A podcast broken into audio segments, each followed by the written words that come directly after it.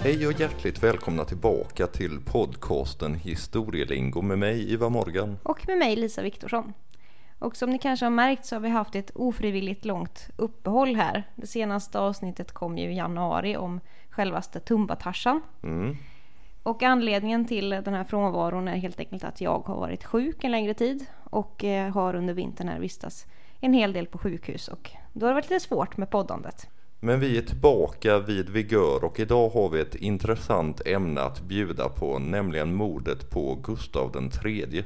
Och det är ett ämne som vi har diskuterat väldigt länge att vi har velat göra. Mm. Jag har ju det här lite som ett av mina favoritepoker i eh, svensk historia är ju det sena 1700-talet. Mm. Så att eh, vi hoppar väl igång. Det gör vi.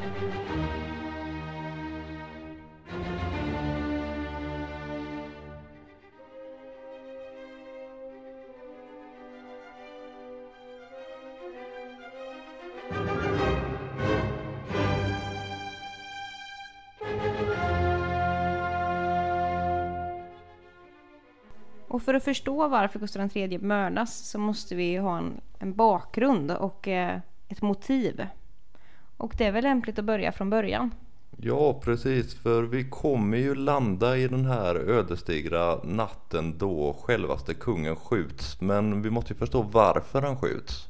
Men vi kanske också ska inflika att det här avsnittet kommer enkom då att kretsa kring mordet på Gustav III och inte liksom en biografi över honom som person. Nej, vi skulle säkert kunna prata i timmar om alla grejer som Gustav III gjorde. Vi skulle kunna prata om hans äktenskap och så vidare. Men nu några centrala saker för att förstå motivet och då behöver vi en historisk bakgrund. Precis. Och då passar det väl sig att vi börjar i den så kallade frihetstiden. Mm. Det vill säga epoken som kom före den gustavianska eran som vi kommer röra oss i idag. Och frihetstiden börjar här någonstans i början av 1700-talet, 1719 närmare bestämt. Ja, Karl XII har ju stupat året innan 1718 i Halden. Precis. Och eh, då var det hans syster som tog över. Och, eh, men hon abdikerade ganska snabbt och då får vi ju Fredrik den förste på tronen. Och frihetstiden måste väl på något sätt förstås i bakgrund av det stora nordiska kriget. Absolut. Vi, vi har haft Karl XII som hade en riktig makt över det svenska samhället. Ja, han var ju absolut en absolut monark. Och, Mm. eh, Ja, han var absolut en absolut monark. Ja, precis. Han krönte ju till och med sig själv. Eh, Så att eh, han var absolut en envåldshärskare. Men vi kommer ju in här då i frihetstiden och då är det mer eh, riksdag och råd och så som styr. Man använder en kunglig stämpel. Eh, och vi hade ju Ulrika Eleonora då som vi nämnde, systern till Karl XII, sen Fredrik den förste. Men den som kanske framförallt blir viktig för den här bakgrunden är kung Adolf Fredrik. Mm. Beroende på att han var far till eh, avsnittets huvudperson Gustav III. Exakt. Och du var inne på en kunglig stämpel. Mm, Och det var ju namnteckningen, alltså Adolf Fredriks namnteckning. precis. Och det innebar ju att riksråd och riksdag kunde besluta saker utan att ens kungen var närvarande. Men Adolf Fredrik, han eh, på något sätt gick med på det här. Däremot så var han gift med en preussisk prinsessa som sedermera blev drottning, Louisa Ulrika. Och henne har vi pratat om förut i historielingo. Ja, I något av de riktigt tidiga avsnitten så vet jag att vi pratar om Lovisa Ulrika. Hon är en eh, fängslande kvinna på många sätt. Ja, och en väldigt obehaglig kvinna på väldigt många sätt också. Ja, det går ofta hand i hand med sådana historiska aktörer. Ja, Eh, Adolf Fredrik kanske är mest känd för att han gillade att svarva snusdosor. Och, och eh, att han gillade mat och dryck. Precis, vi kommer till det alldeles strax. Men som jag sa så var Louisa Ulrika en preussisk prinsessa och Preussen var ju en militärstat och för henne var det ju helt främmande att kungamakten inte skulle ha någon riktig makt eller något inflytande. Så hon eh, hatade det här med frihetstiden. Och hon blir ju drottning samtidigt som eh, Adolf Fredrik blir kung 1751. Och då håller hon på med ett kuppförsök. eh, Ja, det är väl fyra år senare, fem år senare, 1756. Men mer om det någon annan gång. Det viktiga här är att de inte lyckas med den här kuppen. Nej, precis. Men man kan väl säga att det här med kupper ligger lite i det Holstein-Gottorpska blodet. För det kommer snart in på att sonen även gör ett kuppförsök som lyckas. För Adolf Fredrik han dör ju då i ett slaganfall 1771. Vi kanske ska tillägga också att det inte bara är en son som har det här, de här dragen i sig. Nej, precis. Eh, och Adolf Fredrik dör ju då 1771 i sviten av att han har ätit för mycket.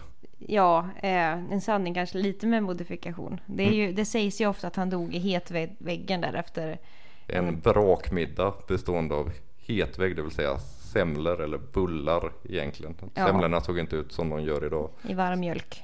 Ja, surkål, kött, rovor, hummer, kaviar och champagne. Ja, men i själva verket så förmodligen dog han av en stroke. Som, ja, kanske den här, den här kosten kanske inte var den bästa för att förebygga en stroke heller. Men... Nej, men då blir ju då Gustav kung. Han blir kung Gustav den tredje. Mm. 1771 och då är han 25-årsåldern. Och han, han när den här drömmen om en absolut monarki. Han eh, tar väldigt mycket sin mammas inställning till det här. Vilket är lite märkligt för när det gäller nästan allting annat så tycker han ju inte samma som Louise Ulrika. De har ju en extremt krånglig relation. Ja, verkligen. Och det här leder till en statskupp år 1772. Mm. Och vi ska inte gå in närmare detalj på alla, alla saker som händer där men lite basic kan vi gå igenom den. Mm. Gustav vill ta tillbaka makten. Han vill bli en upplyst despot, det vill säga en kung som har absolut makt. Han gillade inte mösspartiets utrikespolitik, kanske framförallt mot Ryssland. Nej, det ska vi kanske nämna då att vi har ju två partier under frihetstiden. Och de ska kanske inte förstås som partier idag utan det är väl lite mer vagt ihopkopplade politiska fraktioner. Ja, det är väldigt långt ifrån dagens liksom, strukturerade politiska partier. Men det fanns ju två grupperingar, hattar och mössor. Ja, och eh, Gustav gillade inte frihetstidens styre i största allmänhet. Nej, han såg det väl också som en skymf emot sin egen familj lite grann. Att man har behandlat Adolf Fredrik på detta sättet. Så tanken är då att ta över makten. Och då lyckas han få kontakt med trupper som finns i, på framförallt Sveaborg. Som mm. var en borg i eh, Östersjön. På finska sidan. Ja, i Finska viken. Finska viken precis. Och i Kristianstad och även i Landskrona så satt hertig Karl och eh, lyckades mobilisera trupper och tanken var att de här skulle tåga mot Stockholm och att man skulle ta över makten. Men planerna röjs ganska snabbt när man börjar med det här kuppmakeriet. Och eh, riksdagen har trupper ute i landet som börjar tåga dem också mot huvudstaden. Och det här var mycket tidigare än planerat som riksdagen eller eh, riksrådet och så fick reda på att, att eh, man ville ta över makten. Och det här gör ju, ja här skulle egentligen historien kunna ha vänt, vänt sig liksom och blivit något helt annorlunda. Det hade kunnat bli riktigt blodigt men det blev det inte. Nej. För Gustav är tvungen här att agera snabbt. Och han lyckas vinna över livgardet på sin sida. Och livgardet är ju då de som vaktar slottet. Men även Stockholms borgerskaps militärkårer, det vill säga den militärkår som eh, var skapat utav borgerskapet. Ja, det hör man ju på namnet egentligen. Så han samlas på nuvarande Karl XIIs torg i Stockholm, Arsenalgården och vinner över officerare och soldater och deras pampiga orkester som de också hade med sig för att göra det här eh, ja, bytet av vakten på slottet. Mm. Och han tågar då med de här nyvunna soldaterna mot slottet där rådet och riksdag sitter. Och de håller sitt sammanträde där. Precis. Och han kommer in, låser in dem och sen rider han runt i Stockholm och lyckas på något sätt att få med sig andra kårer i stan, till exempel marinen och artilleriet och så. Ja, det är lite genomgående under hela Gustav IIIs regeringstid egentligen att han är ganska bra på att övertala folk och få med sig folk på sin sida. Egentligen oavsett vilken samhällsgrupp de tillhör. adeln undantaget då, vilket vi ska komma tillbaka till.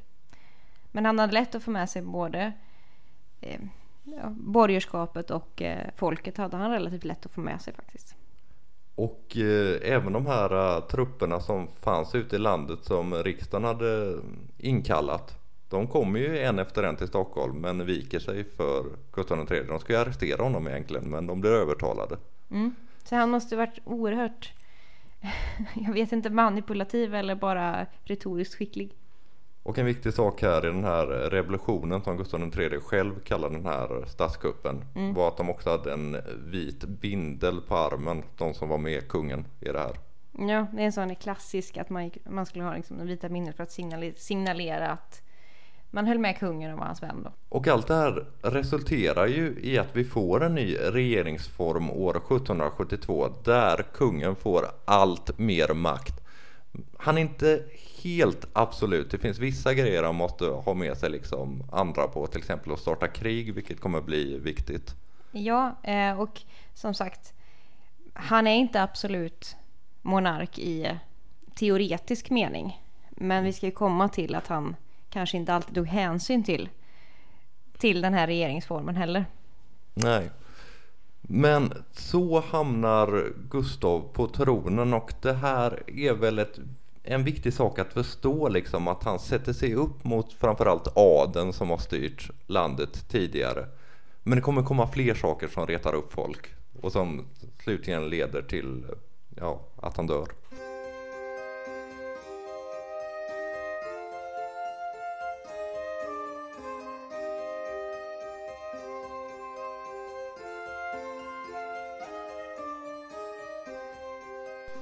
Ja, det händer ju någonting 1788 framför allt. Som eh, är en stor anledning till att han faktiskt miste livet då. Mm. Några år senare.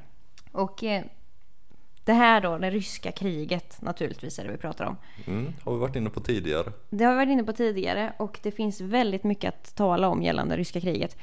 Det som kallas då Gustav IIIs ryska krig. Och det hade säkert kunnat vara ett eget avsnitt så jag tänkte att vi tar det i ganska korta drag. Precis som den här Gustav IIIs revolution som vi just eh, beskrev hade också kunnat varit ett eget avsnitt. Precis, så att eh, gillar ni 1700-tal så är det bara att höra av sig så det finns mer att hämta. I alla fall, Gustav III är inte direkt ihågkommen som den stora krigarkungen. Tvärtom så är han kanske för oss idag mest känd som kulturkungen eller teaterkungen. Precis. Som främjade kultur och kvinnors rättigheter och var emot dödsstraff och tortyr och sådana saker. Ja. Men Gustav själv, han ville väldigt gärna bli ihågkommen som just krigarkung. Ja. Och hans stora idoler var ju Karl XI och Karl XII och inte minst Gustav II Adolf. Som han också hade lite komplex gentemot att han skulle ja, leva upp till namnet. Precis, eftersom han var den första Gustav sedan eh, Gustav II Adolf så kände han väl att det är ett namn som förpliktigar. Och eh, Propaganda har vi pratat om många gånger i den här podden. Mm. Och en som verkligen gillade propaganda det var Gustav III. Ja. Och han ville väldigt gärna se till att han själv skulle bli ihågkommen som en stor krigarkung. Vilket ju vi idag kan säga att han ganska mycket misslyckades med. Mm. Men han startar ju ett krig. Ja, och det är mot den gamla fienden Ryssland. Men det var inte självklart att det skulle bli Ryssland. Nej. För att redan egentligen efter kröningen så börjar han att upprusta försvaret. Han, eh, både armén på land och flottan rustas upp. Mm. Och han funderar lite kring vart ska, jag, vart ska jag vända mig? Och först sätter han blicken mot Danmark. Mm. Det är nämligen så att Danmark och Ryssland, de har en ganska stark allians. Mm. Och Sverige blir ju lite instängt. Vi ska säga också att Finland, det som idag är Finland, var ju svenskvänner Ja, absolut. Så att, så att Sverige blir lite instängt. Vi ska säga också att Norge var ju danskt. Mm. Vilket hör till saken. Så att Sverige blir lite instängt av Danmark och Ryssland. Ja, kläms emellan. Ja. Och det vill han ändra på genom att han vill ha Norge. Mm. Och, ehm, och Norge var danskt. Norge var danskt. Så då måste han starta krig emot Danmark. Mm. Men eftersom den här alliansen fanns mellan Danmark och Ryssland så var han rädd att ryssen skulle anfalla Sverige och lägga sig i ifall man gav sig på, om Sverige gav sig på Danmark. Mm.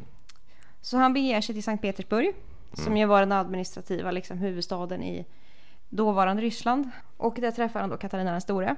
Ja, som för övrigt var hans kusin. Precis, och det är ju så alla kungahus är ju släkt Ja. med varandra. Det brukar vara så. Ja. Och ville alliera sig med henne och ville liksom övertala henne att gå med oss istället och strunta i, strunta i Danmark. Ja, Liksom. precis. Katarina går inte med på det här och eh, Gustav vågar inte starta något krig mot Danmark. Nej. Då vänder han på det. Ja, Att eh, istället för att få Norge så satsar han på att få hela Ryssland. ja. smart. Eh, nej, det var inte riktigt så. Utan det var snarare att han ville få till eh, ett krig Mm. mot Ryssland där Ryssland skulle vara liksom den anfallande staten och då skulle vid freden här så skulle Sverige tilldelas då större landområden och så vidare. Ja, en sak som kanske satte lite käppar i hjulet mot det här med Danmark också var ju att han var ja, redan från barnsben förlovad och sedermera gift med en eh, dansk prinsessa. Precis, och de hade väl inte kanske den bästa av relationer heller ska vi Nej. säga. Sofia Magdalena. Men rent eh, diplomatiskt så fanns ju ändå den connectionen där. Precis. Och han gör samma sak här. Eh, han åker till Köpenhamn och träffar Kristian den sjunde. Mm. Som inte riktigt förstår de här planerna eller inte liksom, han köper inte de här argumenten. Men, men han får inte det direkta liksom, hotet som han kanske fick då från Ryssland. Så att eh, Gustav tänker att vi provar. Mm. Varför inte? Och eh, i den här då nya regeringsformen som du talar om så framgår också att han får inte starta krig Nej. det- utan att ha ständerna med sig. Nej, precis. Och vad gör man då? Ja, det finns väl egentligen bara en sak att göra om man vill ha ett krig och få med sig liksom ständerna på det här. Ja, Man och, behöver narras lite. ja, och han är inte teaterkung för inte. Nej, verkligen inte. Och det finns inte riktigt belägg för att det var så här det gick till. Men kungen hade tillsammans med generalmajor Toll en väldigt tydlig plan för hur det här kriget skulle föras redan innan det här kriget börjar. Mm. Men det är nämligen så att det är Ryssland som anfaller Sverige. Att några, ett gäng ryska soldater ska ha sprungit in på svensk sida och skjutit hej vilt då. Ja, precis. Och eh, de här ryska inom citationstecken soldaterna var troligen svenska soldater som var utklädda till ryska soldater med hjälp av kläder från Kungliga Operan. Eh, som sagt, det finns inga konkreta bevis för det här men det här är ett rykte som har florerat i flera hundra år och ja, det, det kan finnas viss mått av sanning kanske. Ja, Och eh, det här anfallet då ska ha skett i Finland förstås, i Pomala. Men det är väldigt, det är väldigt oklart hur det här går till. Men eh, det är hur som helst så är det ett angrepp mot Sverige och Sveriges frihet. Då. vilket gör att man förklarar krig mot Ryssland. Exakt. Och Gustav själv, han reser till Finland. Han vill vara med vid fronten. Och det här gör han ju, ja, kanske främst då för, för det här ryktets skull. Att han Ja, vill bli precis. krigarkung. Och det finns samtida käll- källor som ska ha sagt att han ska ha haft en likadan eh, rock som Gustav II Adolf hade. Och han ska ha haft ja, även attribut ifrån eh, Karl XI och Karl XII. Sen om det är sant det är väl också stora frågetecken kring. Men Ja, hur som helst, den 29 juni 1788 går den svenska armén in i Ryssland. Och man anföll då både landvägen ifrån finska gränsen in och sjövägen. mm. Och, och det har vi varit inne på med det, sjön.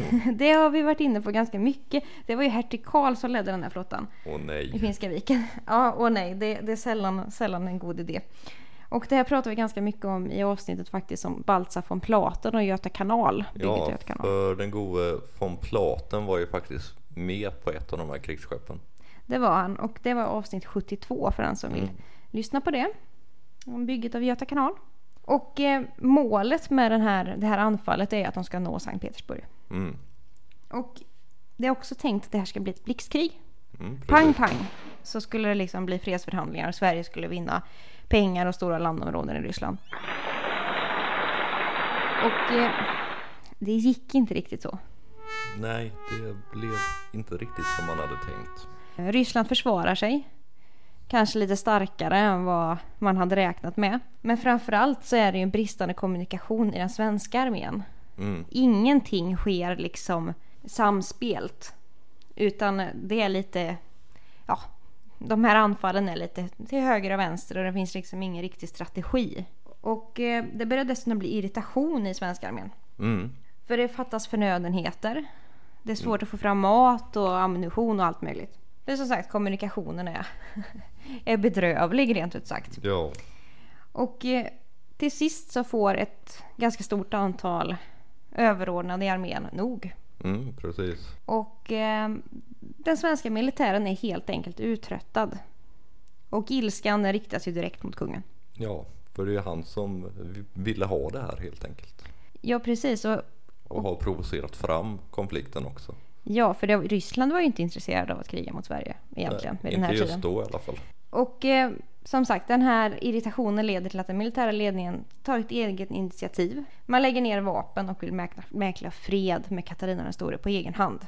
Mm. Och det är 113 stycken officerare som samlas vid Anjala i Finland och skriver under ett, en förbundsakt Mm. och ett brev till den svenska kungen.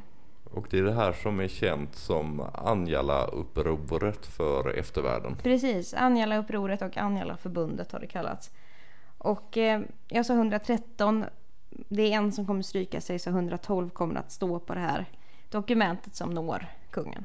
Mm. Och man skickar iväg liksom att man, en förfrågan till Ryssland om att fredsförhandla. Och man skickar ett brev till kungen där man helt enkelt skriver att man vapenvägrar. Så länge Ryssland inte avslagit fredsinviten då. Mm, precis. Och eh, ja, det här skrivs under då den 12 augusti 88. Och Gustav kan man ju tänka sig hur han reagerar när han läser detta.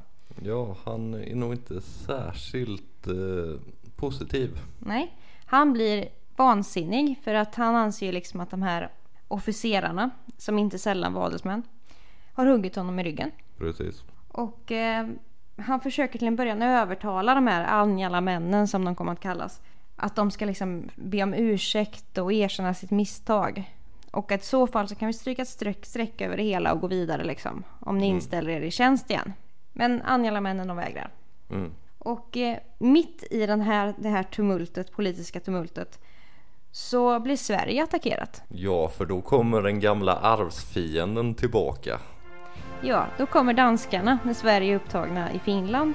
Så kommer helt enkelt den danska armén in i Sydsverige. Och Kanske förklarar... inte så konstigt när de hade en eh, allians med Ryssland.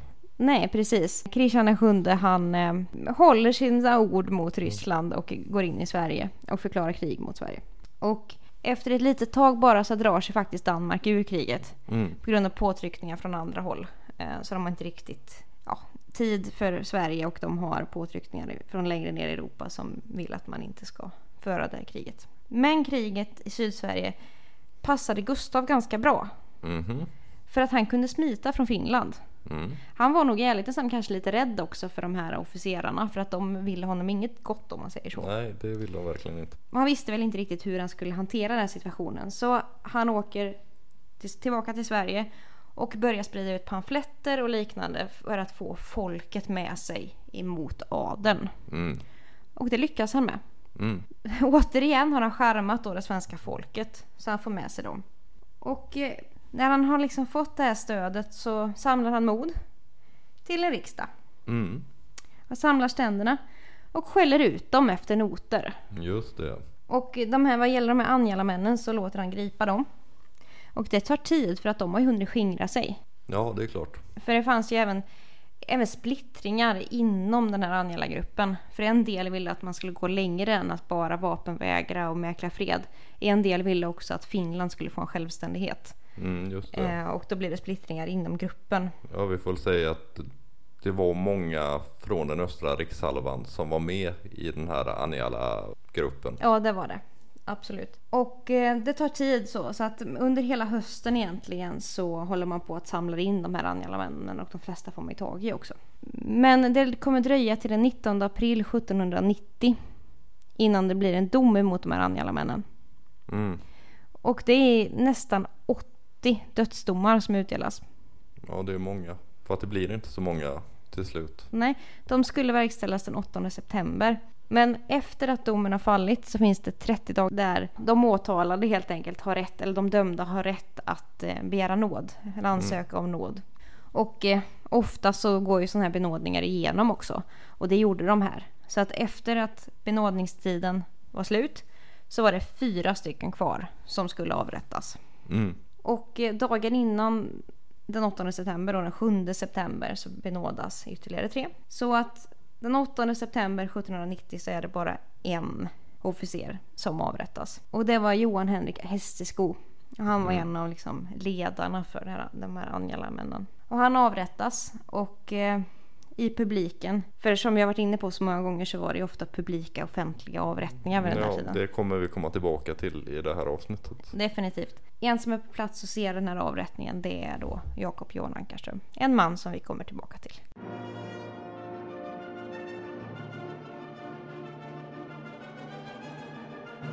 Och då har vi de här grejerna. Vi har kriget mot Ryssland, vi har Hästeskos avrättning och eh, den allmänna liksom behandlingen av de här Anjala-männen upprörde folk och med folk så menar jag adeln. Och Gustav hade redan varit ganska hatad av adeln. Nu blev han ännu mer hatad. Ja, En annan sån här sak som eh, är viktig att förstå för liksom motiven som kunde finnas för att mörda honom är att eh, Ja, som vi varit inne på, adeln fick ju mindre makt via 1772 års regeringsform. 1789 hade dessutom en ytterligare tillstramning av adelns privilegium gjorts. Den så kallade förenings och säkerhetsakten. Och den betydde i princip att kungen fick mer makt, adeln fick mindre makt. Och man behövde inte vara adlig längre för att få viktiga poster i riket. nej. Och det här upprörde adeln det grövsta. Ja, naturligtvis. Så redan 1791 så börjar en sammansvärjning av personer ta form. Och den som egentligen är spindeln i nätet av det här var en man som hette Karl Fredrik Pecklin.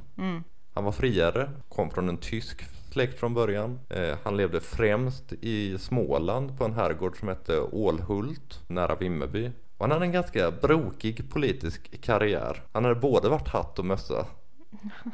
Det är lite som Helgardering. helgardering ja, lite beroende på vad som passar honom. Lite som idag om man både var sosse och moderat och bytte lite fram och tillbaka i riksdagen. Ja. Han var lite av Smålands starke man. Efter den här statskuppen vi var inne på 1772 så fängslades han han var befälhavare för Smålands regemente. Och när väl kungens män kommer dit så fängslar de honom och han får sitta inspärrad ett tag. Men han slipper undan för det finns inget direkt bevis på att han har beordrat de småländska trupperna att eh, skjuta på kungens män. Nej. Även om mycket tyder på att han ville göra det. Men det fanns inget skriftligt eller någonting sånt. Så han slipper undan. Men då kan man ju tänka sig att han var en man som inte gillade Gustav III. Nej. Och det var han inte heller. Han älskade frihetstiden. Han älskade att adeln hade inflytande på eh, politiken. Eh, En annan sak som gjorde dem förbannade var de så kallade kronobrännierierna. Det vill säga att kronan började bränna brännvin. Det här gillade han inte och det gillade inte det småländska folket heller. Nej. Och eh, jag var inne på den här förenings och säkerhetsakten alldeles nyss. Och när den skulle liksom, ja, när den skulle genomföras så var han en av dem som protesterade högst i eh, riksdagen. Vilket ledde till att han fick sitta i husarrest ganska länge också. Så att eh, han var inte vänligt inställd till eh, Gustav III. Nej. Han var en fiende till kungen. Jag nämnde att han hade en herrgård i Småland men viktigare för det här var att han hade en bostad på Bläseholmen också i Stockholm. Det Peklinska palatset. Och 1791 så börjar det så smått samlas människor hemma hos honom. Det är människor som Jakob och, och Johan von Engström, Karl Pontus Liljehorn, Johan Ture Bjelke. Det vill säga män som man känner igen från eh, ja, fängelsedomar senare. Absolut. Eh, Just de jag nämnde här, de var väl kanske lite mer att de samlades hemma- hos honom och diskuterade vi måste göra någonting, vi ska ha någon revolution och avsätta kungen. Men det fanns en annan krets kring Pecklin, en mindre krets, en inre krets, en snävare krets som får för sig att enda sättet att bli av med den här despoten, det är att mörda honom. Och eh, här ingick det en del personer, men framförallt några stycken. Dels en man som hette Adolf Ribbing. Han var militär som var uppväxt vid hovet. Men hade tjusats av de revolutionära idéerna från Frankrike. För vi får inte glömma att det just har varit en, eller pågår egentligen en revolution i Frankrike. Ja, absolut. Och det var ju någonting som Gustav III var väldigt rädd för skulle hända i Sverige också. Ja, det var väl egentligen alla kungahus i hela Europa låg nog och svettades och vred sig på nätterna när de fick de här nyheterna. Absolut. Sen så har vi en annan man som var med i den här inre kretsen. Karl Fredrik Horn. Han var militär och violinist och han var väldigt förbannad på förenings och säkerhetsakten. Mm. Dessutom så hade hans den här föreningen och säkerhetsakten gjort att hans far hade suttit fängslad ett tag så han hade också ett horn i sidan mot kungen. Det var många som hade det. Det var många som hade det. Och kanske den viktigaste på den här historien kommer fram till nu. Nämligen kapten Jakob Johan Ankarström. Och han kommer ju att bli frontfigur i det som då händer på Kungliga Operan. Mm. Han var ju som sagt kapten i armén. Och eh, en av dem som hade blivit trött på kriget i Finland. Ja, som jag förstått det så hade han väl inte så mycket rent personligt hat mot Gustav III mer än det som alla liksom hade mot Gustav III. Ja, och som sagt det var ju många som hade agg. Även, jag sa att han hade folket med sig. Mm. Eh, och det är ju lite sanning med modifikation. För det är klart att det var väldigt mycket. Det var ju officerarna som skrev under det här liksom, förbundet då. Men eh, det var ju extremt mycket svenska soldater som satte livet till. Under det här ryska kriget till exempel. Så att det fanns ju liksom en irritation även ute i stugorna. Och jag vet att Ankarström senare i, eh, i förhör och så ska ha betonat att anledningen till att han hade gjort det var eh, misshushållningen, rikets skuldsättning och den ökade beskattningen. Men det är ju någonting som kanske är en del i det hela. Men sen så finns det allmänna missnöjet, hatet Ja. mot Gustav III som liksom pyr i adeln och de övre kretsarna. Och Ankarström kom ju från en adelssläkt egentligen. Men det kanske vi ska säga också att den gustavianska eran då blomstrar kulturen i- för eliten och man har eh, väldigt extravaganta livsvanor. Mm. Man äter och dricker oerhört gott och man har väldigt många rätter och man har väldigt exklusiva kläder och man reser mycket ner på kontinenten till Paris inte minst. Samtidigt som eh, det slösas något enormt i hovet och i samhällets liksom, absoluta elit. Ja och eh, man har infört den här franska hovetiketten också. Precis. Som är väldigt, eh, ja vad ska man säga, burdus är väl rätta ordet. Ja. Extravagant. Ja, men samtidigt då så sker det ju på bekostnad av någon. Mm. Och det är ju då det svenska folket naturligtvis. För det blir svårare och svårare och knaprare för, för folket. Samtidigt som man har stora delar av allmogen med sig. För att han är charmig, han sprider ut pamfletter och han är väldigt duktig på propaganda. Så det är lite, det här relationen till svenska folket är lite tudelad. Absolut. Men hur som helst, Ankarström han bevittnar en avrättning som vi talade om tidigare av Mm. hästesko. Just det. Och då ska han liksom ha fått något väldigt mörkt i ögonen och bestämt sig för att det här är någonting som måste hämnas. Det får inte gå till så här att för att man mäklar fred så ska man liksom inte sätta livet till.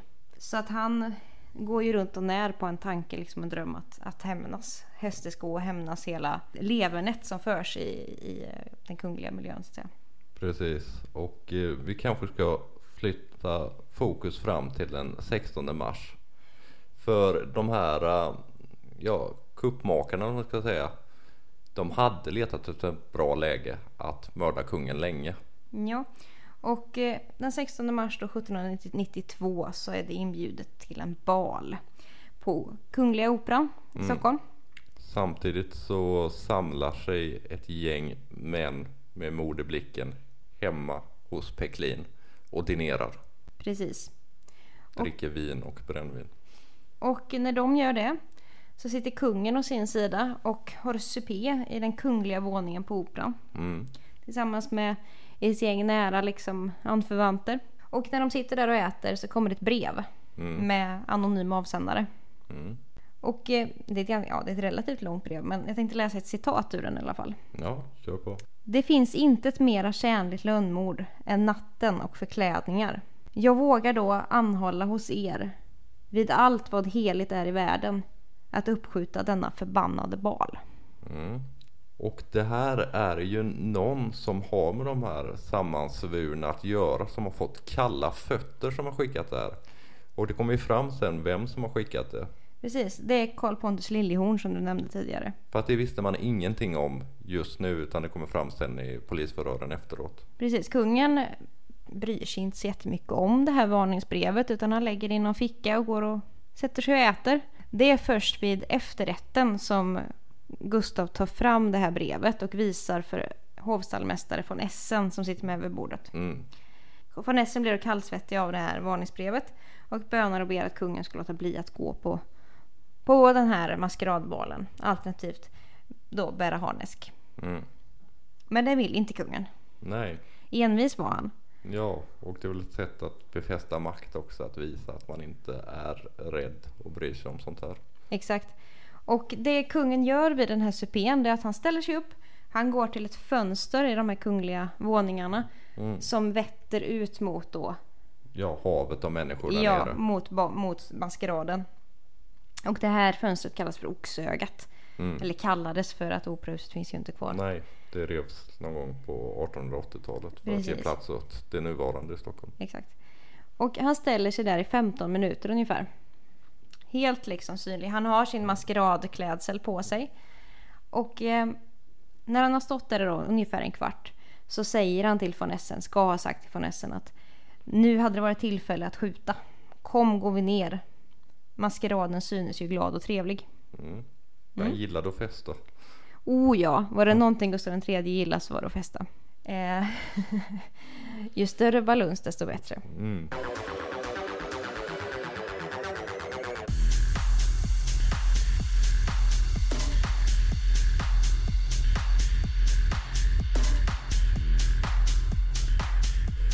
Och det här var ju en jättemaskerad. Alltså hela Stockholms liksom elit, alla liksom som satt, satt nästan- Alla som var någonting. alla var som var någonting var där, ab- absolut. Och eh, de går ner till, till gästerna. Och eh, det dröjer inte särskilt länge innan det hörs ett skott i lokalen. Och eh, Gustav blir träffad i ryggen. Mm. Men han är medveten, han pratar och så vidare så att han är liksom Han dör ju inte utan är fullt medveten och han bärs till då sin, sin våning på operan. Och han har ju, är ju ordentligt sårad. Han blivit liksom skjuten i ryggen med ja, en blandning av hemmakok, det är liksom eh, tamet, tapetnubb och grejer som sliter sönder invärtes då. Mm. Men han kommer ju sen att överleva i ja, nästan två veckor. Ja. Och vi får väl säga om de här upprorsmännen eller lönnmördarna att det är ju ganska smart att välja en maskeradbal för det här eftersom de är maskerade. Ja, fast vi ska också säga att Gustav III bar ju liksom som sina medaljer och stjärnor och grejer. Så Ja, man han såg hade ju på det var... sig Serafimerorden så Ja. Men de visste ju att de skulle kunna se honom Men de tänkte väl att när vi ändå är maskerade, det är inget misstänkt att vi kommer in här maskerade och vi kan försöka slippa undan härifrån. Precis. Så det var väl ja, inom citationstecken återigen då smart tänkt kanske. Men eh, när det här skottet har avlossats så utbrister ju liksom ett tumult i den här salongen. Och det är liksom, Efter ett tag. ja, när folk har börjat förstått att kungen är Ja, för skjuten. bandet fortsätter ju spela ett litet tag först.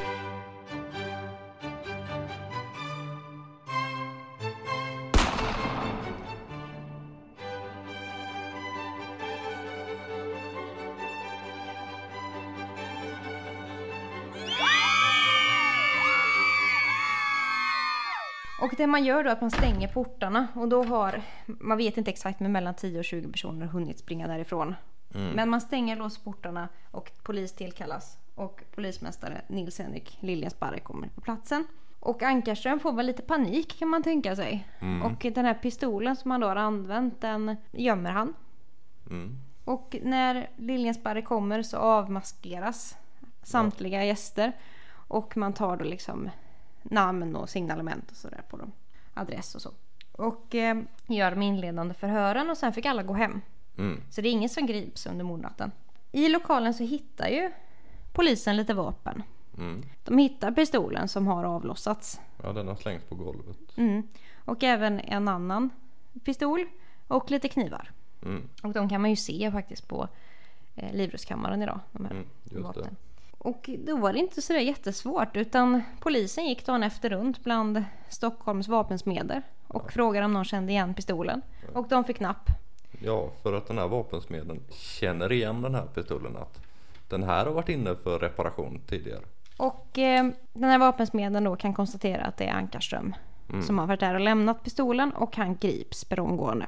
Precis. Och Ankarström erkänner direkt att han har gjort det här dådet. Han har skjutit kungen. Men han hävdar att han är en ensam galning liksom som har gjort Mm. det. Och han vill inte ange någon annan hur mycket polisen än tjatar. Då kommer Liljesparre på det att vi går på känslorna. Mm, Och man tar upp då Ankarströms barn.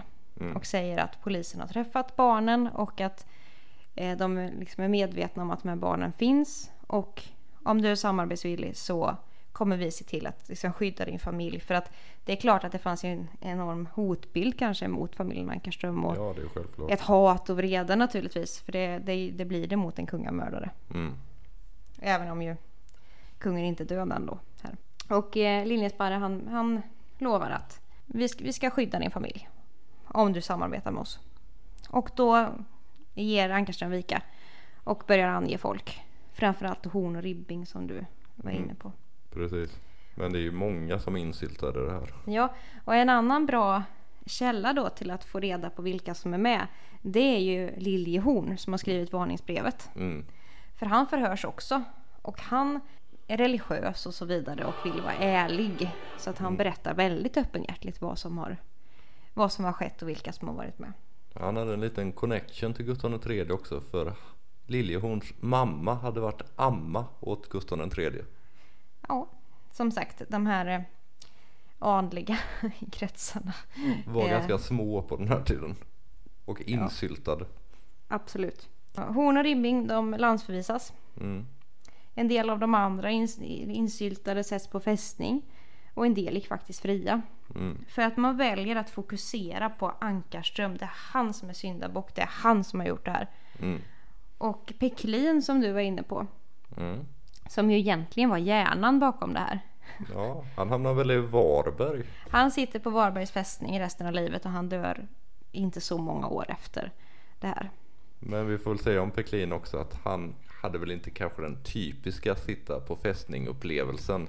Han kunde röra sig fritt på stan i Varberg och så. Ja, det som sagt gällde ju inte andra fångar. Nej. För att sitta på fästning det var otroligt tufft och det har vi varit inne på tidigare också. Mm. Och Varberg var ju en av de tuffaste fästningarna att sitta på. Ehm, många sattes också på Karlstens fäst- fästning i Marstrand.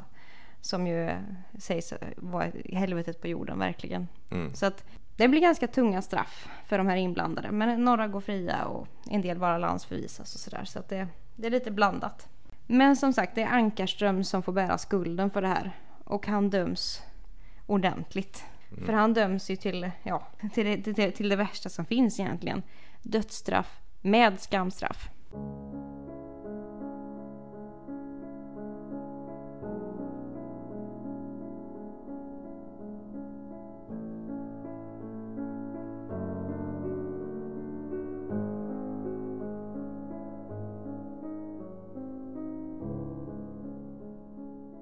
Och vad betyder då detta med både avrättning och skamstraff? För det första så ska någonting som heter att hudflängas göras. Mm. Det vill säga att han ska piskas offentligt. Och det ska han göra på tre torg. Tre dagar i rad. Under två timmar varje dag. Och det här är ju en del av propagandaapparaten i Sverige. Att man ska liksom visa så här går det om man skjuter kungen. Och sen ska folk bli rädda då liksom. Och det går ju lite emot vad Gustav III själv stod för. För han var ju emot dödsstraff. Och han som sagt levde ju ett par veckor efter skottet. Och han ska ju faktiskt själv ha sagt att han ville benåda Ankarström. Mm.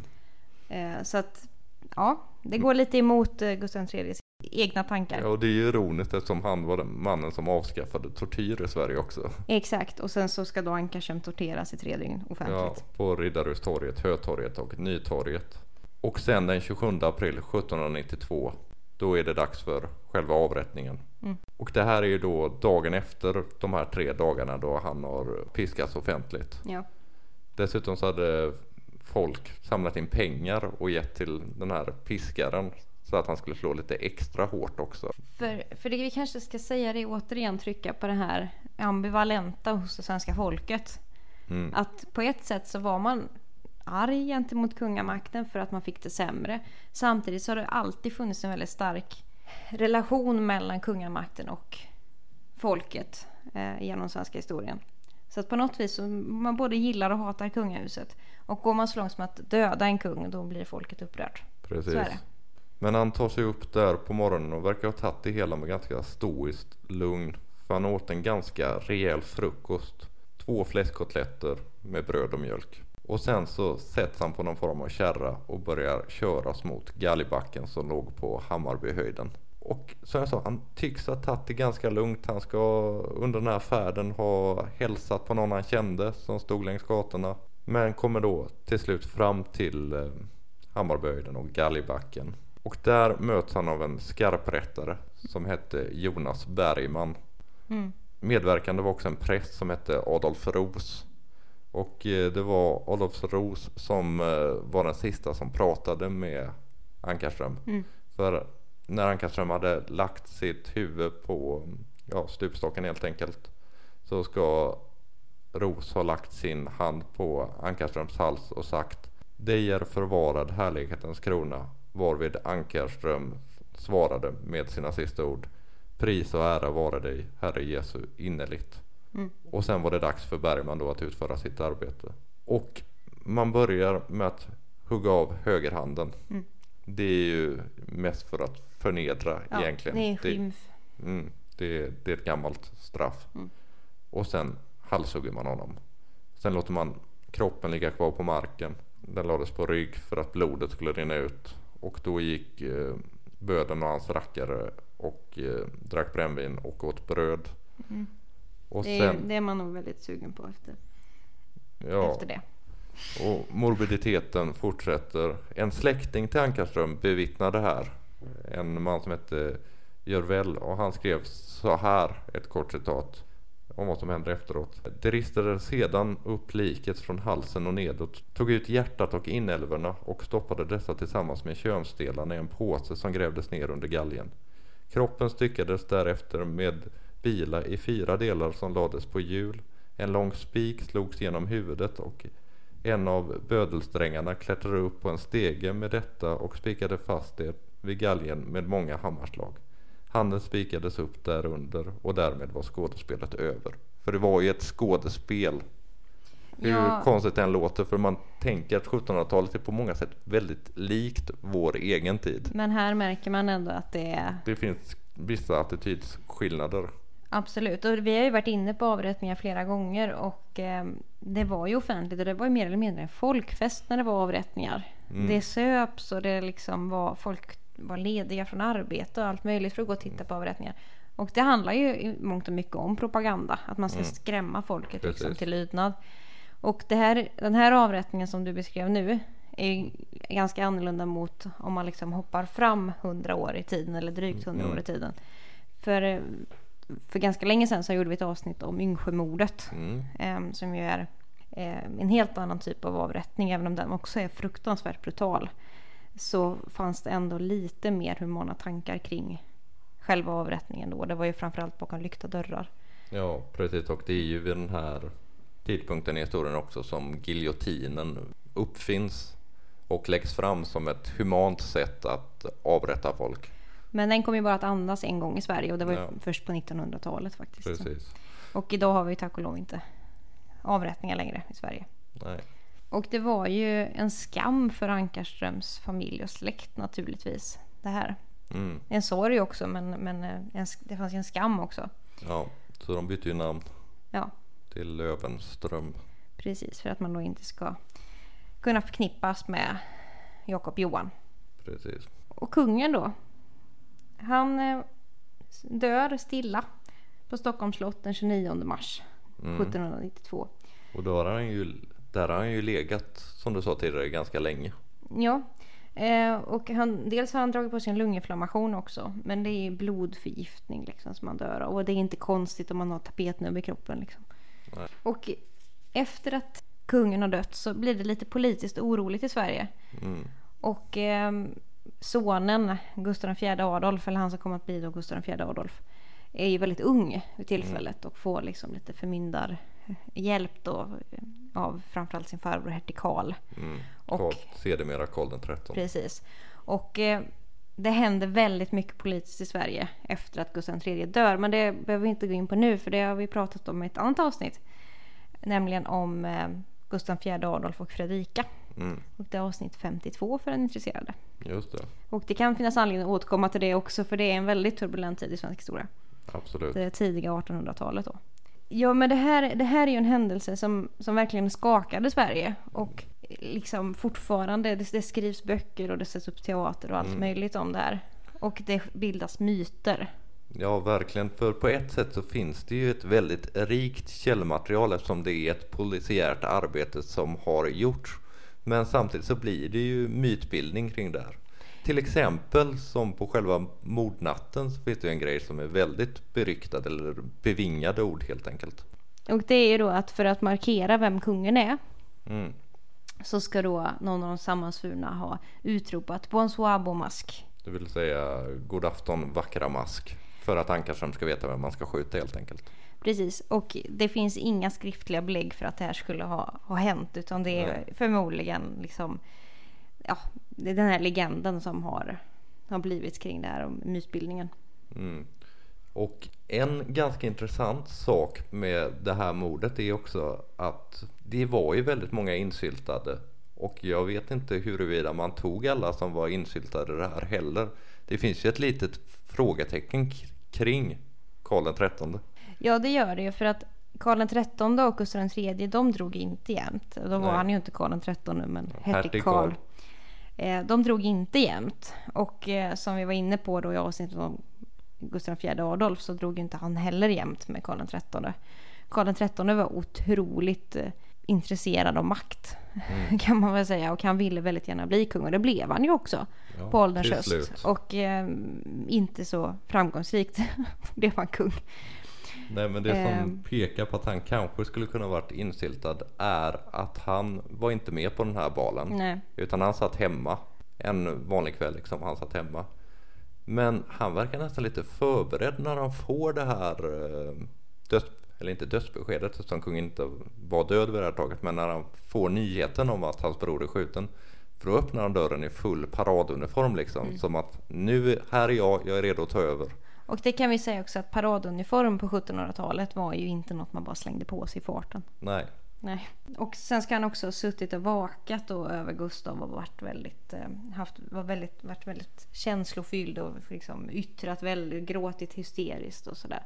Och eh, när Gustav levde så, så drog de ju inte jämt. Så att, ja, men det får vi aldrig veta hur, hur inblandad han var men det är väl inte helt omöjligt. Det är också han som är grundbulten i varför Gustav IV Adolf sen avsatts i statskuppen. Mm. Men mer om det i det avsnittet Precis. som man kan gå tillbaka till om man vill. det blir lite sidospår. Och Gustav III han begravs ju då den 14 maj i Riddarholmskyrkan. Och eh, den har man dekorerat ganska spännande. Ståndsmässigt en så kallad castrum doloris, det vill säga ett sorgeläger. Det här är ett nytt ord jag lärt mig för, inför researchen av det här. Okej, Det vill säga de olika dekorationerna man har i en kyrka när någon går bort. okej. Bland annat alltså, längst fram i kyrkan så har man bland annat en byst som är gjord av Sergel. Mhm. Ja, den tidens kanske största konstnär. Sen så har man också låtit tillverka fyra runstenar där man har skrivit in allt häftigt som Gustav III hade gjort i sin karriär. Okej. Sen eh, så hade man liksom olika grejer upphängda, till exempel bilder på Erik den helige, Olof Skötkonung med mera, liksom föregångarna på tronen. Kan vi flika in att vi har gjort ett avsnitt om Erik den helige också. En kung som också blev mördad. Precis, där är det ju väldigt många frågetecken i den, Ja, i den det- legenden. Mm, Verkligen. Och sen så hade Sveriges svar på Mozart, Josef Martin Kraus, skrivit en eh, hyllning till Gustav III. Han var också god vän med Gustav III. en så kallad eh, begravningskantat som går att lyssna på på Spotify om man vill. Det Och- kan ni roa er med efter det här avsnittet kanske. Och till den hade poeten Carl Gustav Leopold skrivit text eh, om Gustav helt enkelt. Och Leopold kanske är mest känd som den som lagt grunden för den grammatik vi använder i svenskan idag. Mm. Så Gustav III hade ju många finkulturella vänner och Bellman ska vi väl, har vi inte ens nämnt det där avsnittet men Återigen, det finns en outtömligt eh, antal ämnen kring Gustav III som eh, man kan prata om i timmar. mm, Han hann med mycket karn trots att han inte blev så mycket mer än 40 år. Han blev 46 tror jag. mm, någonting sånt. Så, men vi kanske ska börja avrunda Mm. det här avsnittet i alla fall. Om mordet på honom. Eh, som ju är ett av få politiska mord i Sverige. Mm. Tidigare så har vi ju även i ett tidigt avsnitt talat lite grann om eh, Erik den XIV. Mm. Som är då, om det nu var ärtsoppa och om det var Arsenik, arsenik, Ja, arsenik vet, vi, vet vet, vi. vi ju i och för sig. att det, att det var, men om det huruvida det var Johan den tredje som hade livet av honom eller inte, att det får vi väl kanske heller aldrig veta. Nej. Och sen så har vi ju tyvärr i modern tid haft två eh, politiska mord. Mm. Annars har Sverige varit ganska förskonat emot, emot just detta. Men eh, vi sätter väl kanske punkt kring Gustav III för idag. Skulle ni vilja komma i kontakt med oss så har vi en e-postadress som är historielingo.gmail.com Och vi har även en Instagram-sida där ni gärna får kika in och då heter vi då Historielingo. Och eh, nästa gång vi hörs så blir det om någonting helt annat. Ja, det törs jag lova. Ja, ha det gott! Ha det bra. Hej. Hej.